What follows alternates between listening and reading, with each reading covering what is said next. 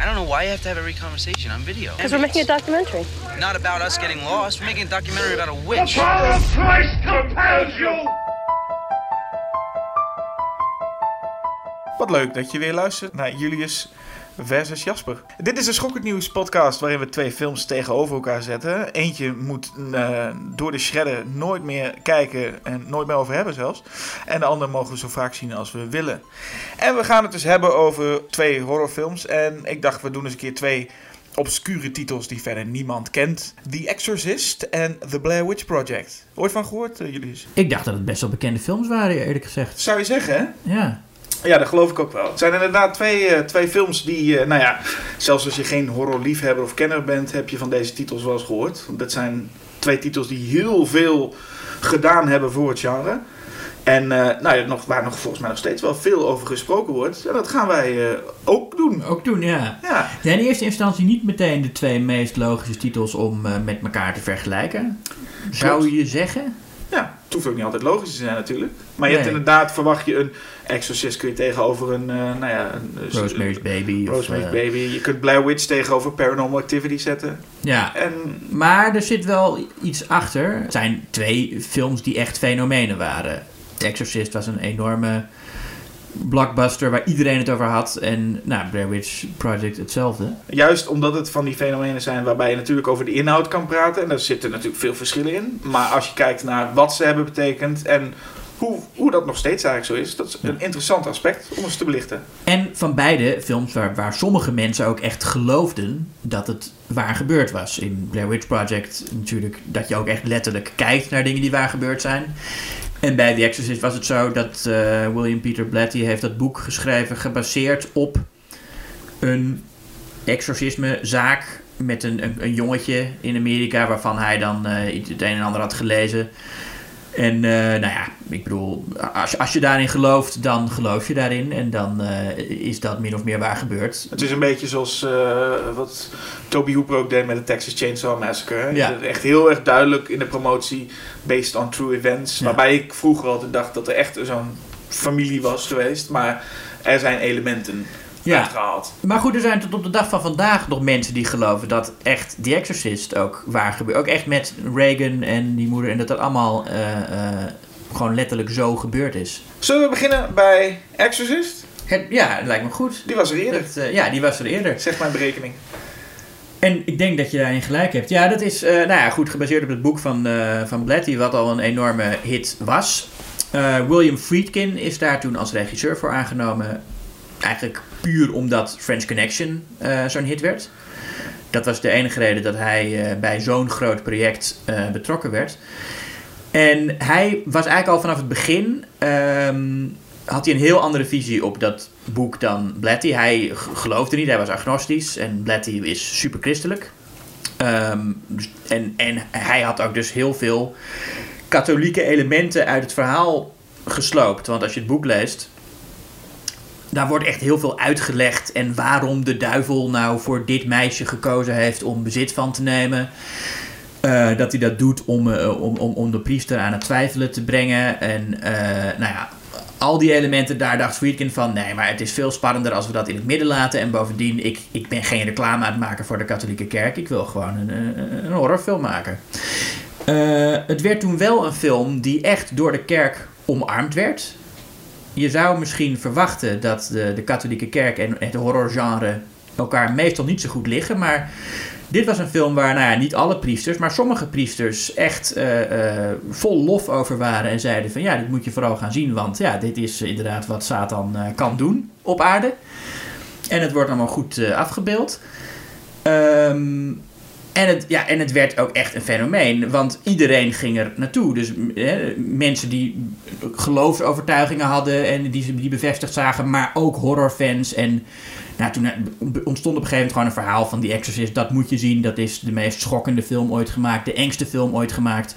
Ja, want je hoort vaak ook andersom dat juist een, een, een, een christelijke partij of iets dergelijks eh, gaat demonstreren tegen een film. En daardoor wordt die dus succesvol. En in dit geval wil je zeggen dat, het eigenlijk, dat ze beide hand in hand naar de bioscoop gingen. Ja, ja. Eh, en Rayleigh Horror was al natuurlijk met Rosemary's Baby eh, uit 68. ehm, al, eh, ja, dat was ook een, een behoorlijke hit, die film. Ehm, dus dat, dat was al een beetje op gang, die stroming. Wat eigenlijk een klein stromingje is. Eind jaren 60, begin jaren 70 had je een paar van die films. Maar dat zijn eigenlijk, ja, Rosemary's Baby, Exorcist en The Omen zijn de drie grote blockbusters. Eh, en Exorcist was dus echt een enorm fenomeen. Ik heb, eh, er staat op YouTube een aardige eh, korte nieuwsfilmpje uit toen de film uitkwam, eh 73. Waar je de rijen ziet staan voor de bioscoop, die gewoon echt letterlijk straten lang zijn. Mensen stonden echt gewoon vier uur in de rij voor bioscopen, waar je dan niet kon reserveren. Eh, nou, dan kwamen ze daar uiteindelijk en dan werd ze verteld dat de, de, de, de vertoning eh, al helemaal vol zit. En dan zeggen ze, nou, dus we wachten wel op de volgende. En die film die bleef maar draaien. Die werd ook eh, op een gegeven moment door, door allemaal bioscopen aangekocht die hem nog niet hadden. Want het was eerst, eh, ehm, er, wa- was enorm veel zwart publiek ook voor die film in Amerika. Die ook voor een aardig deel op het religieuze aspect afkwamen. En al die bioscopen in witte wijken vonden het in de jaren 70 niet per se prettig dat opeens daar allemaal zwarte mensen kwamen. Dus toen is, hebben ze gezegd ook dat de bioscopen in zwarte wijken die, die film ook moesten gaan draaien. Ehm, en eh, ja, ik heb ook interviews uit die tijd, die kun je ook allemaal op YouTube vinden. Dat zie je dat mensen die film uitkomen en gewoon zeggen van... Ja, dit is al de derde keer dat ik hem probeer te kijken, maar het, het is zo schokkend wat er gebeurt. Ik, nee, ik, ik, ik, ik kan het niet meer aan. En dat mensen gewoon echt eh, letterlijk de zaal uitlopen. En nu wordt dat heel vaak in de promotie gebruikt bij Hereditary, bij Raw laatst. Dat van mensen zijn flauw gevallen in de viel flauw, zaal. iemand moest overgeven, ja. Ja, eh, bij The Exorcist was dat, nou ja, waarschijnlijk niet zoveel als in de promotie werd gedaan. Maar eh, eh, ja, kwam het echt veel voor dat mensen gewoon...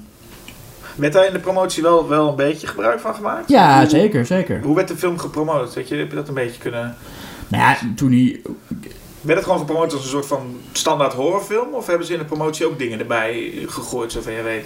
Nou ja, kijk, dat, dat item waar ik over vertel, dat is hoe het op een gegeven moment... Dat is het verhaal van die film. En daar, daar hoefde de studio natuurlijk niet eens Dat zoveel... is eigenlijk bijna gratis promotie ja, dat is, dat is echt gratis promotie. En dat was een verhaal dat zichzelf in stand hield. Ehm, in die, kijk, nu is het allemaal eigenlijk gewoon... Openingsweekend is vrijwel altijd, als het om blockbusters gaat...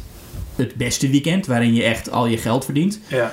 Eh, in de jaren 70 was dat vrijwel nooit zo. Het eerste weekend was altijd ja, oké, en dan tweede weekend wat meer, derde weekend wat meer, vierde weekend nog meer. Het ging nog meer van hoe mensen, mensen erover praten. Ja, mond-op-mond reclame was echt, en zeker bij zo'n fenomeen als The Exorcist, eh, een heel belangrijk eh, reclamemiddel. Maar- En, ja, ik, maar dat is wel leuk om te vergelijken met de Blair Witch Project.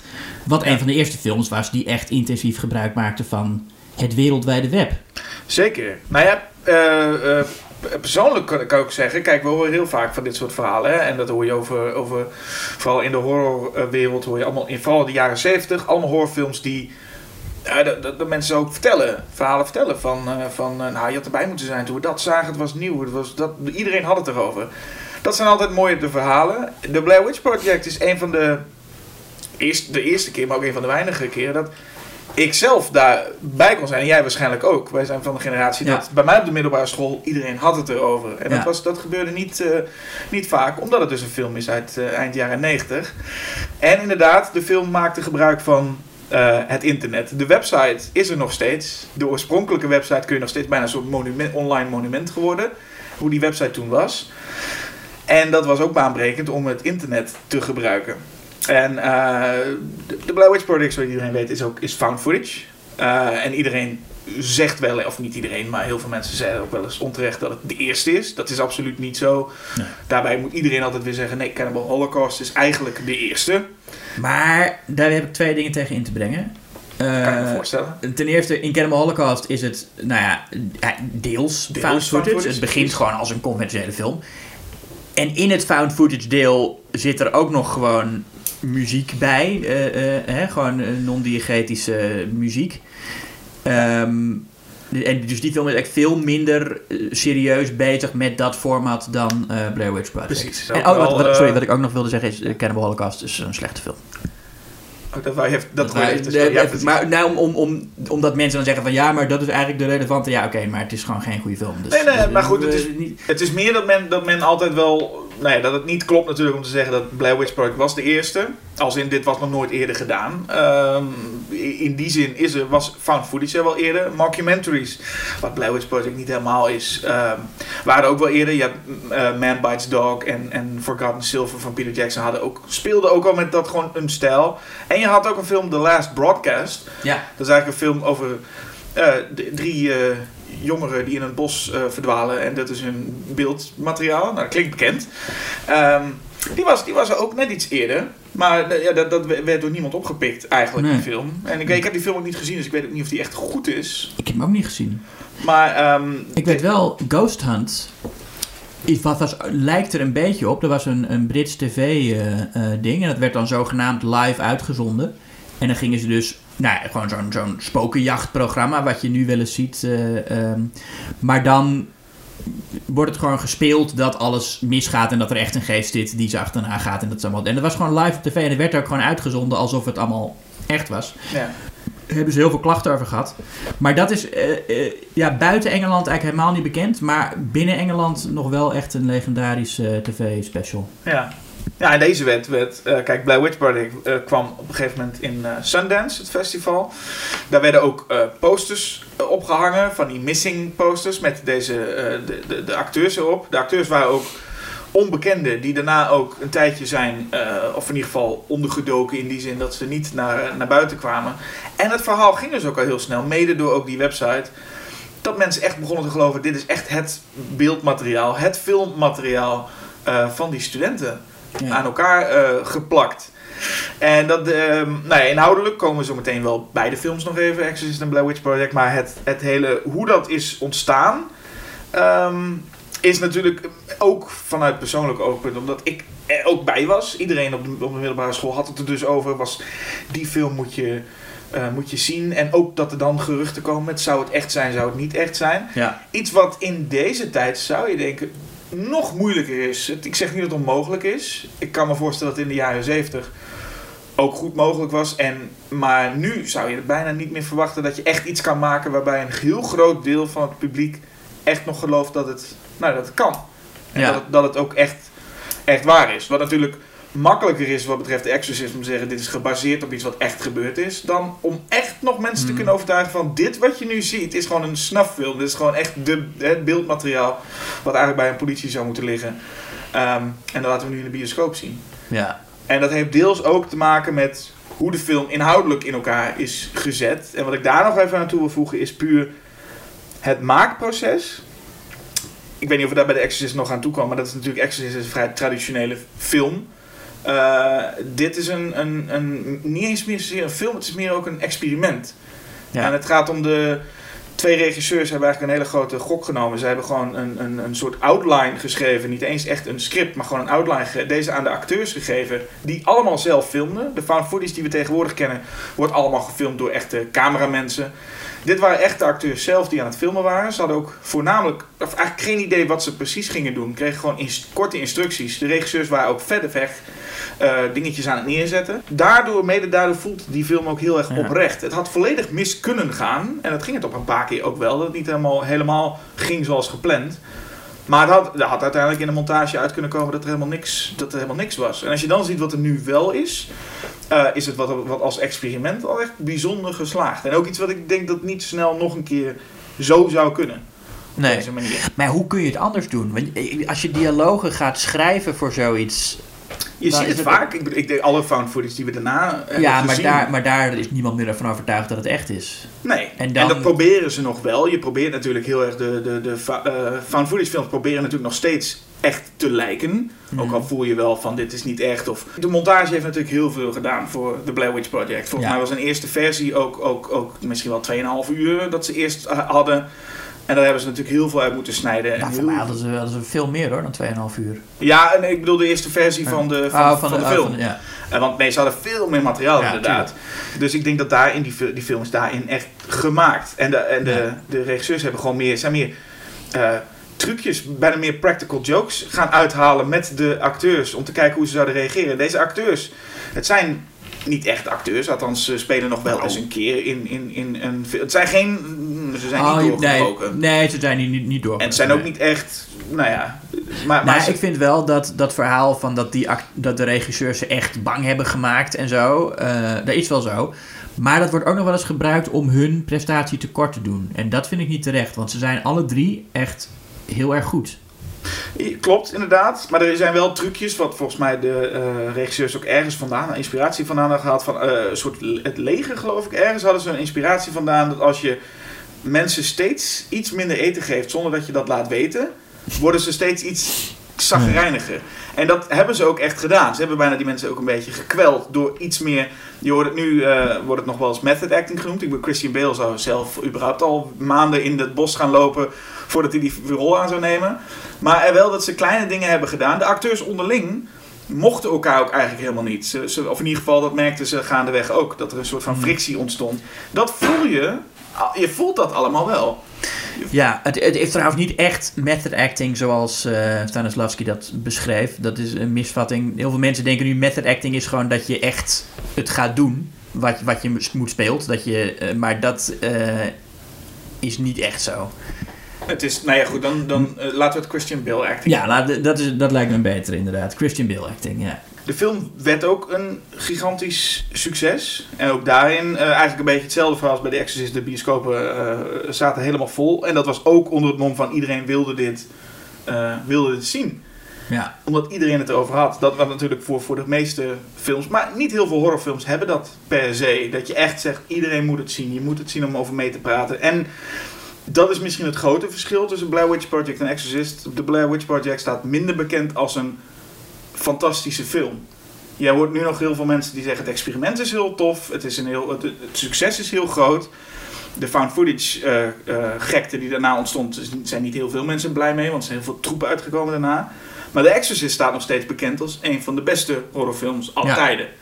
Daar zit misschien nog wel het, het, het verschil tussen beide. nou ja, Blair Witch Project vind ik ook nog wel, vind ik in elk geval nog een van de beste films aller tijden. Ik, volgens mij heeft hij ook nog wel die reputatie. Want er zit ook meer in dan alleen het found footage. eh, kijk, eh, dat, dat, is, eh, dat concept is gaaf. Ook die esthetiek, daar wordt in de Blair Witch Project veel beter gebruik van gemaakt dan in veel andere found footage films. Waar ze gewoon alleen, oké, we hebben dat concept van found footage. Dat is gaaf. Maar dan doen ze verder niks met die esthetiek die daarbij hoort. Waar Blair Witch Project wel heel tof gebruik van maakt. Bijvoorbeeld van eh, het, het gebrek aan licht dat je automatisch hebt als je met zo'n lage kwaliteit camera filmt.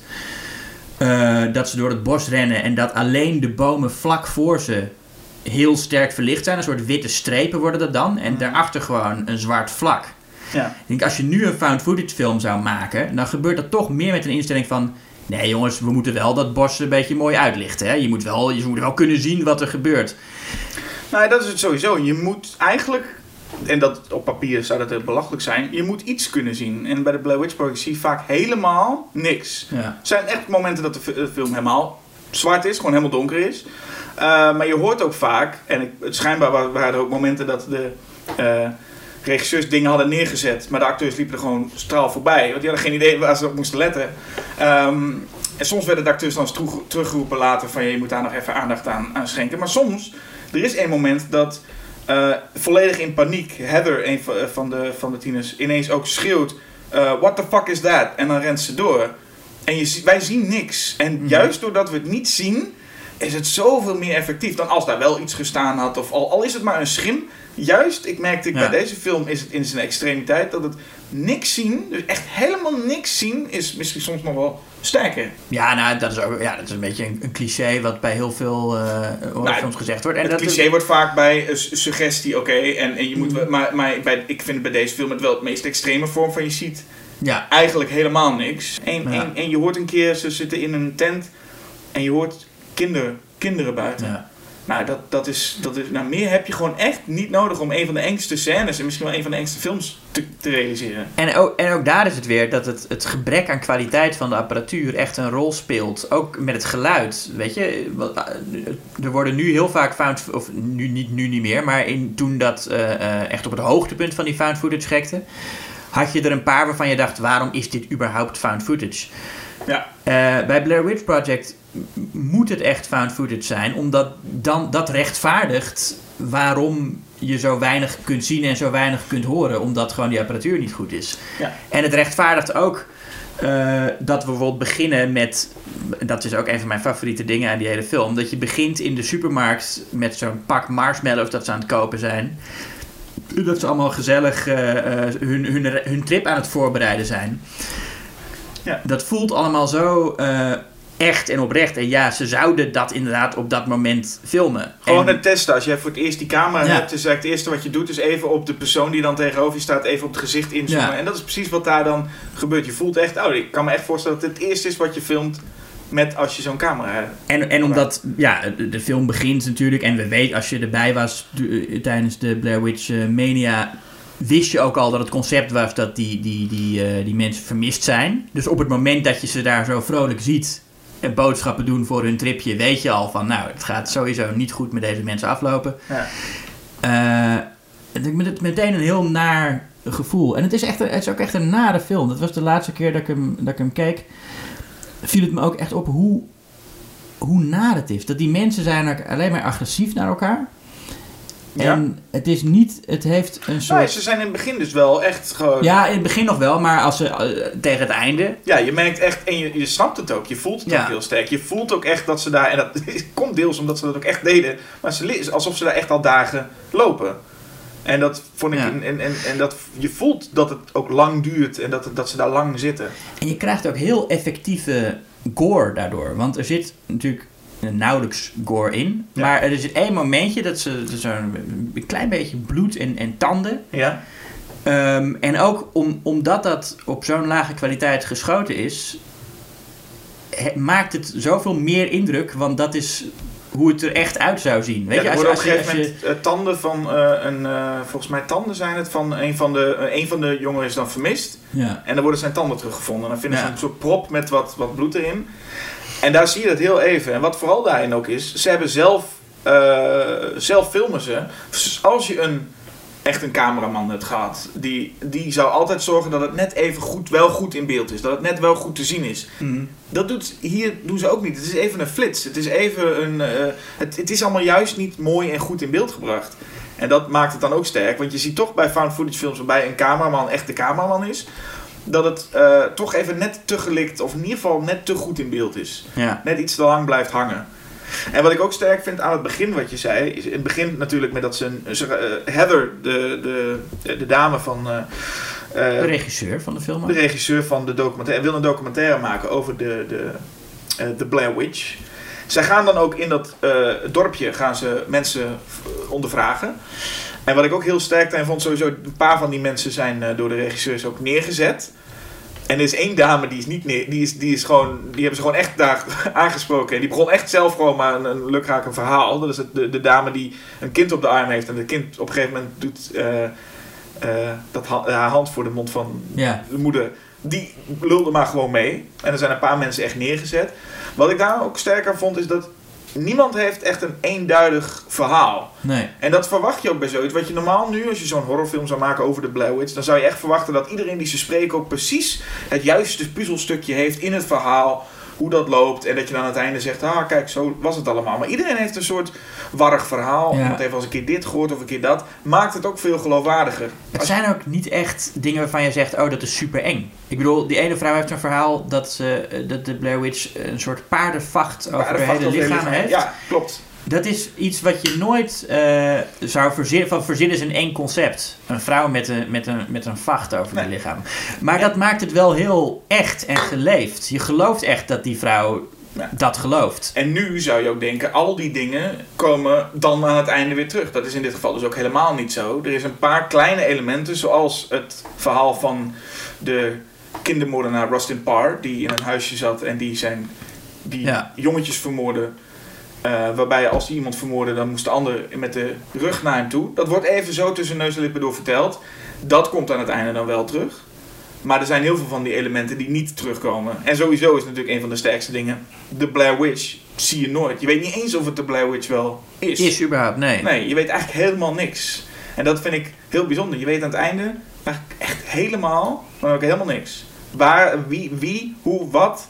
Ik, en ik weet dat, dat zag ik ergens in de research, dat, er een, eh, een, dat de regisseur speelde met het idee om bijna een soort Scooby-Doo einde te geven. Met ja, het was uiteindelijk was het een van de, een van de mannen die ze ontmoeten in het begin. En ze hebben ook een keer gespeeld met dat het een van de drie studenten was. Hm.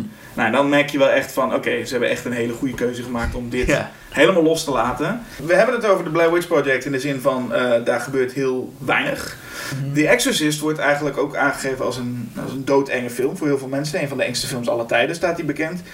Maar die is, als ik hem terugkijk, eigenlijk niet zo eng. Ehm, ja, nou ja, het is meer, het is niet eng op de manier van, eh, oh, wat zou er nu gebeuren of hoe ziet het monster eruit of, eh, het, is, het, is ook, het is niet op die manier eng. Het is meer, ehm, wat ik altijd heb, je leeft heel erg mee met de moeder van Reagan. Eh, Ellen Burstyn speelt, dat is eigenlijk ook de hoofdrol van de film, eigenlijk, dat is gewoon de hoofdrol. Reagan is het, is het ja, bezeten meisje dat, waarvan iedereen dan wel de meest schokkende momenten kent. Maar wat die film emotioneel effectief maakt, is het verhaal van die moeder die gewoon een, een moderne vrouw is, die natuurlijk niet gelooft in de duivel. En die eh, dan ja, toch onder ogen moet zien dat haar dochter wel degelijk meer heeft dan zomaar een ziekte. En dat duurt nog best wel lang. Het is het eerste uur van de film of zo. eh, heeft ze nog niet geaccepteerd dat haar dochter een, een exorcisme nodig heeft. Maar je ziet haar steeds meer vechten met dat idee. En ze gaat weer naar een psychiater en weer naar een andere dokter. En uiteindelijk is ze echt bijna ingestort als ze eenmaal die exorcist belt. Ja. En het feit dat dat allemaal zo ja, in de realiteit gezet heeft. Ik bedoel, dat is hoe inderdaad een vrouw in de, in de tweede helft van de 20e eeuw. In een progressieve, agnostische, waarschijnlijk vrouw eh, eh, daarop zou reageren. Ja. Ja, ze wordt inderdaad echt van het, van het kastje naar de muur gestuurd over elke... Ze, ze weten niet, ze weten eigenlijk, niemand weet ook wat het is. Die artsen moeten dat ook steeds meer eigenlijk een soort van toegeven. Ja. Ik weet niet wat er aan de hand is. En het is inderdaad pas na anderhalf uur komen eigenlijk de scènes waar iedereen de Exorcist vooral van kent. Ja, en dat zijn dan de scènes die ehm, het tegenargument geven van dat het eh, goed is om, om zo min mogelijk te laten zien. Want die scènes werken juist omdat ze gewoon heel veel laten zien. Ja. Wat in die tijd natuurlijk veel schokkender was dan nu. Maar wat nu nog steeds wel. Ik zag hem eh, in AI in de, gewoon op, op groot scherm. En eh, ik vond het nog steeds wel behoorlijk effectief. Zeker die scène waar, waar, waar Reagan haar moeder bij het hoofd grijpt en zo naar de kruis duwt. Waar ze net zichzelf tot bloedens toe heeft verwond met een eh, kruisbeeld.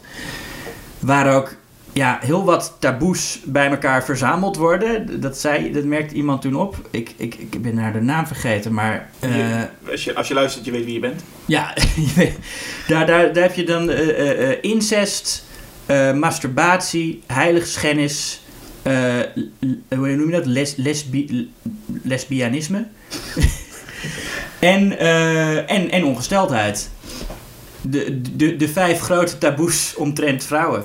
Dat was in die tijd schokkend. Maar goed, het is nu nog steeds schokkend om te zien dat een moeder eh, met een neus in het kruis van de dochter wordt geduwd. Denk Zeker, ik. maar Het is, ook, het is ook inderdaad, het is schokkend. De vraag is, is het eng?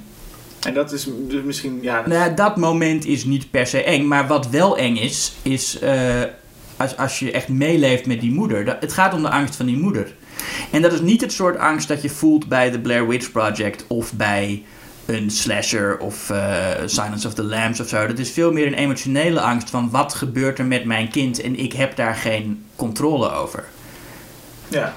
Wat natuurlijk ook is, ik, ik weet niet in hoeverre dat meetelt, maar die. die, die ehm, en andere films doen dat ook wel meer, eh, ook uit de jaren 70, maar ook Blair Witch Project doet het heel sterk. Is dat de, de, het grotendeel van het publiek kan, zich meele kan meeleven en kan zich verplaatsen daarin.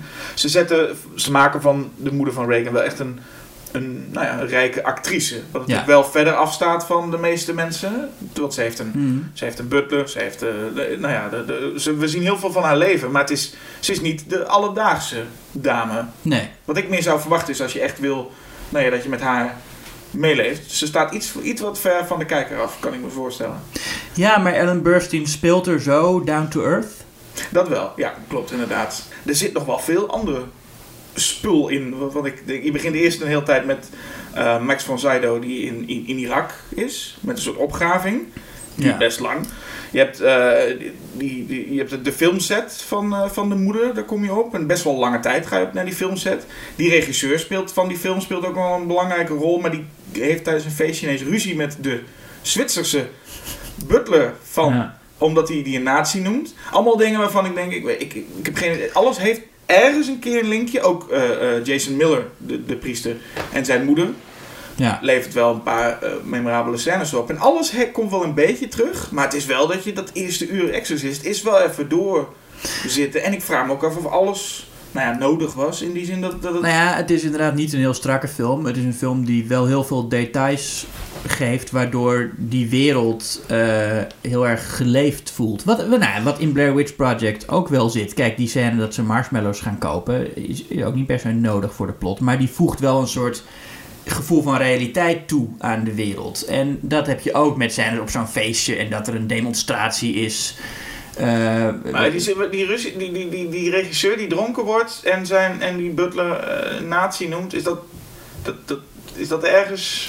Nou ja, dat, ik weet niet. Ja, dat weet ik niet. Voelt De- dat soort momenten voelen in ieder geval heel sterk als... als, als eh, ja, je hoeft niet alleen maar scènes inderdaad te hebben die alleen maar puur voor... Wat, ik, wat, wat, ik ontbreek, wat er ontbreekt, dat is misschien wel het grootste punt. Voor mij zijn er heel veel van dat soort momenten. En in één keer zit Reagan bij de, eh, bij de arts. Hmm. Daar slaat film ineens, voor mijn gevoel heel vreemd vond ik dat, de film ineens iets overslaat. Voor mijn gevoel. Want we zien Reagan met een Ouija-bord.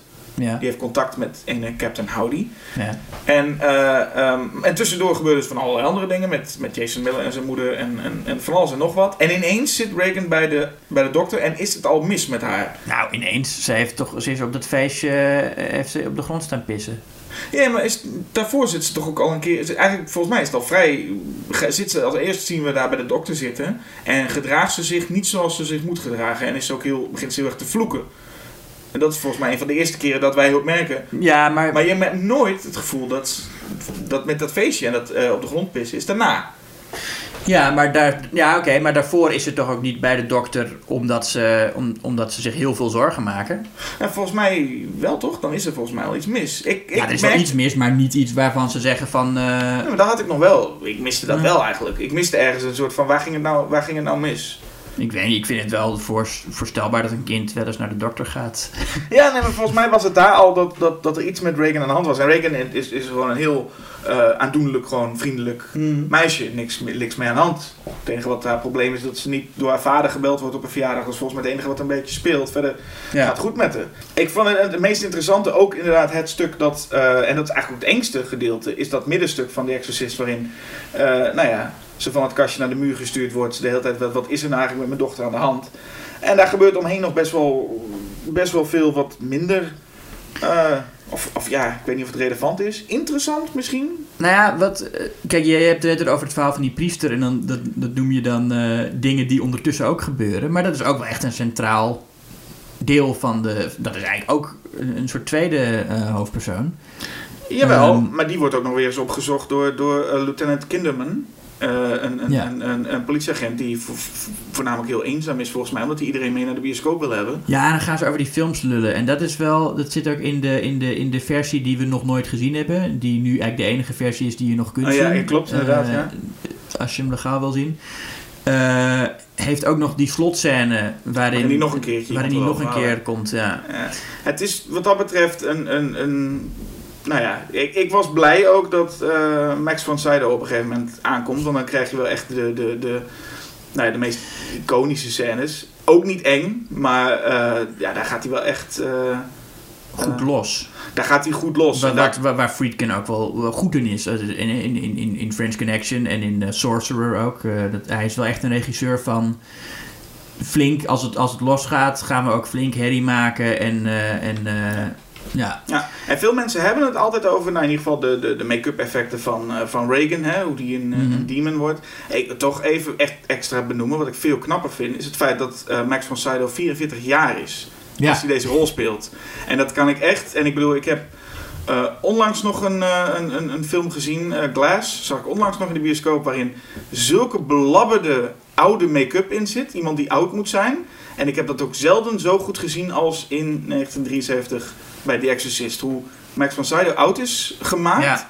Ik vind, het on- eh, ik vind het onvoorstelbaar. Als ik, af en toe zag ik foto's van, eh, van, van Max von Sydow. Zag ik hem in een rol onlangs. En dan denk ik, hoe is deze man nog steeds hetzelfde? Dat eh, vind ik wel, toch even benoemenswaardig hoe die man eh, oud is eh, Ja, als je het niet weet, dan, dan zie je het ook niet. Dat is, maar nog even over, over, over Father Marin. Ja. Ehm, kijk, wat, wat het is, als hij... op een gegeven moment heb je een scène, dat, dat vind ik het meest enge moment van de film. Als je het over de traditioneel... eh, de, de, de eng die horrorfilms meestal willen bereiken, dat, dat soort eng. Is het moment dat hij in... ehm, in, in- in- op het meesterstation staat. En dat dan zo'n zo'n zo'n dakloze man hem om geld vraagt. Die vraagt Oh, wacht, dan heb je het denk ik niet over Marin. Of zei ik Marin? Nee, ik bedoel Karras. Ja, Ja. Ja, nee, oké. dat Ja, inderdaad, ja. De, de, de- nou ja, goed. En die zegt dan... got something for an old altar boy, father. En later herhaalt Reagan die, die zin. Ja, Als hij bij haar is. En dan denk je van... Oh, shit, de duivel zit niet alleen in deze slaapkamer... maar is gewoon overal. En dan is dat gevoel van machteloosheid nog zoveel groter... dat je gewoon... eh, hij, hij ziet alles en hij is overal. En wat doe je er tegen met je, met je wetenschap en je medicijnen... en je, en je moderne, rationele wereld... Klopt. Kunnen we niks beginnen tegen dit allesomvattende kwaad? ja. Ik moet ook zeggen dat eigenlijk misschien, als ik echt inderdaad puur praat, welke scènes, eh, welke shots misschien zelfs, hebben, zijn nog wel echt zodanig eng en geven je kippenvel in The Exorcist.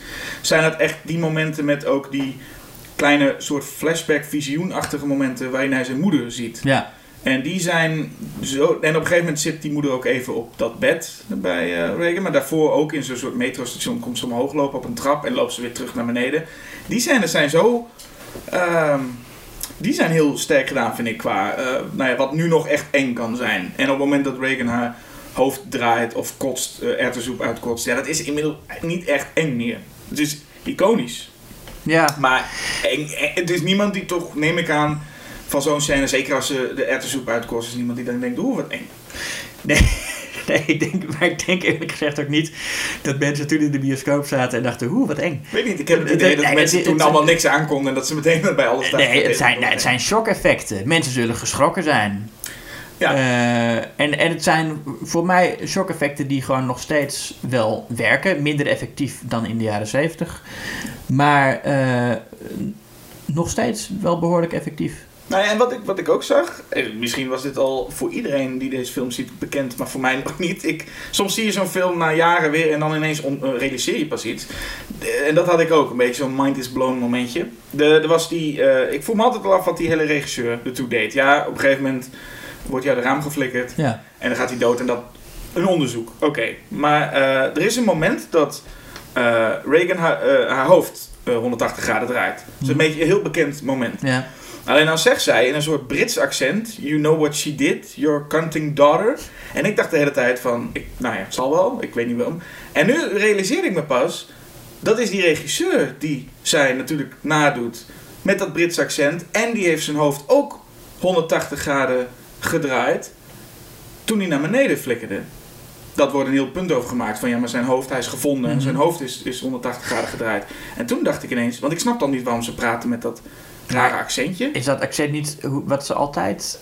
Nee, dat is echt een, echt een apart accent. Het is echt ineens heeft ze zo'n soort van Brits accent. En dat is echt puur van die regisseur. Dus misschien is dit. Nou ja, in ieder geval, dat, dat realiseerde ik me nu. Ik ging het ook opzoeken en toen bleek ook inderdaad dat er heel veel van dat soort.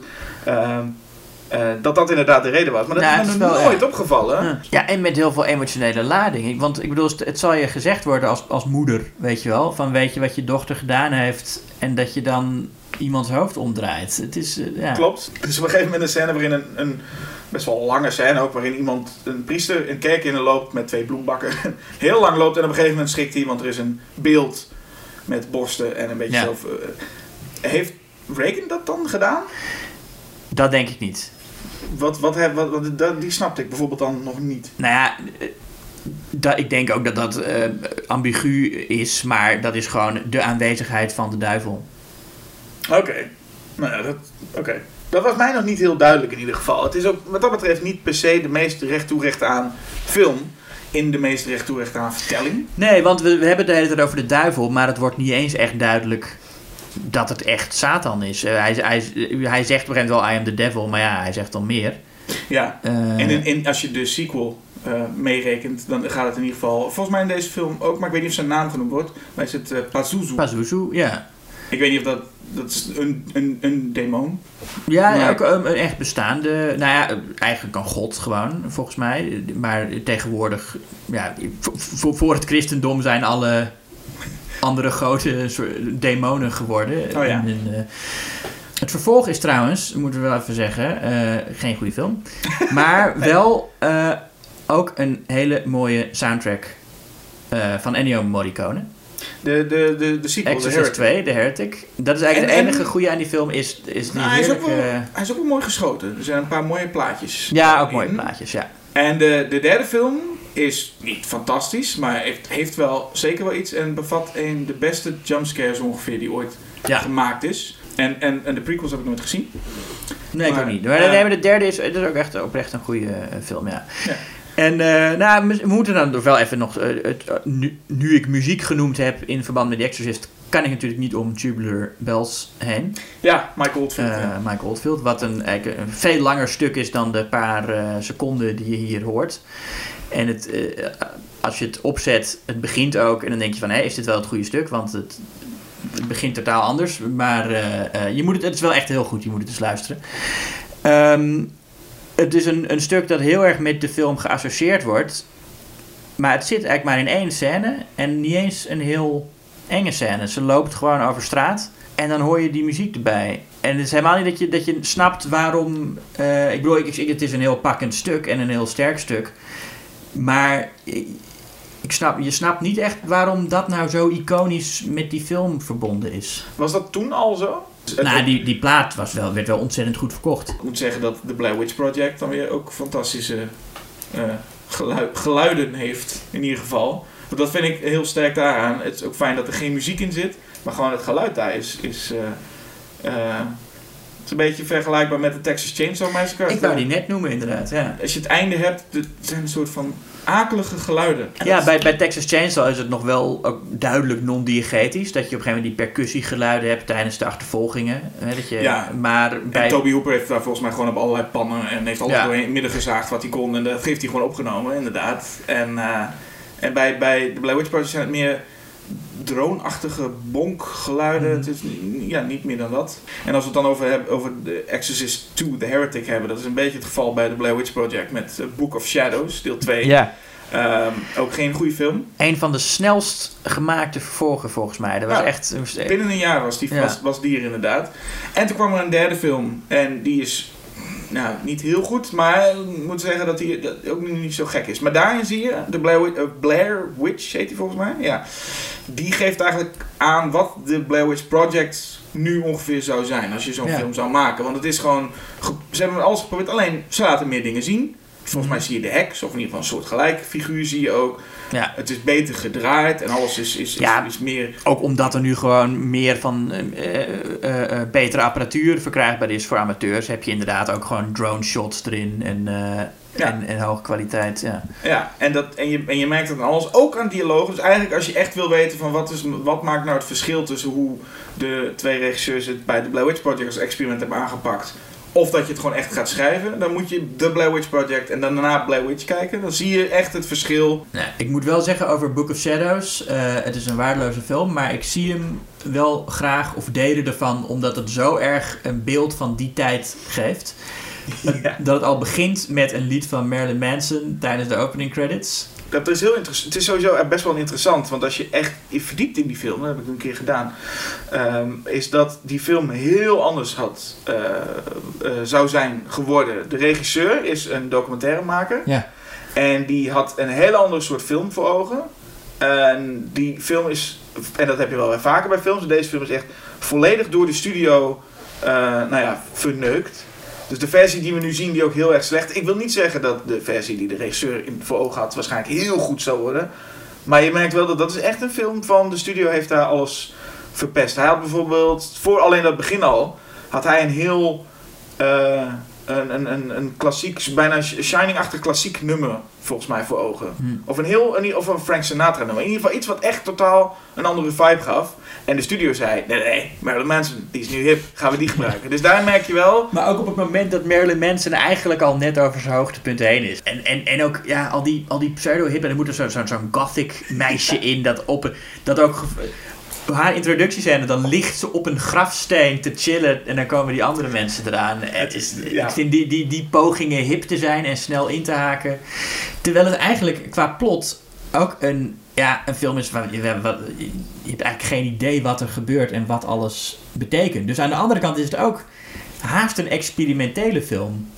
Nou ja, dan stel ik bij deze voor dat een van de toekomstige afleveringen, Jasper Julius, is dan eh Blair Witch 2 tegen Exorcist 2. Dat lijkt me wel een goeie. Die passen ook wel goed bij elkaar. Maar nu is het even The Exorcist en The Blair Witch Project. Nou, we zeiden al twee totaal verschillende films. The Exorcist was een film die kostte 12 miljoen. Wat in die tijd volgens mij best een, best een prijskaartje was, maar niet het meest schokkende. En heeft nu 440 miljoen opgeleverd. The Blair Witch Project kostte 60.000 dollar. En heeft 250 miljoen opgeleverd. Dus dat is ook, staat ook bekend als een van de meest winstgevende films Ja. aller tijden. Die 60.000 eh, is natuurlijk ook vooral een promotie. Ze hadden ook niet heel veel nodig. Bij die, ik weet ook niet of misschien hebben de acteurs ook wel niks gekregen.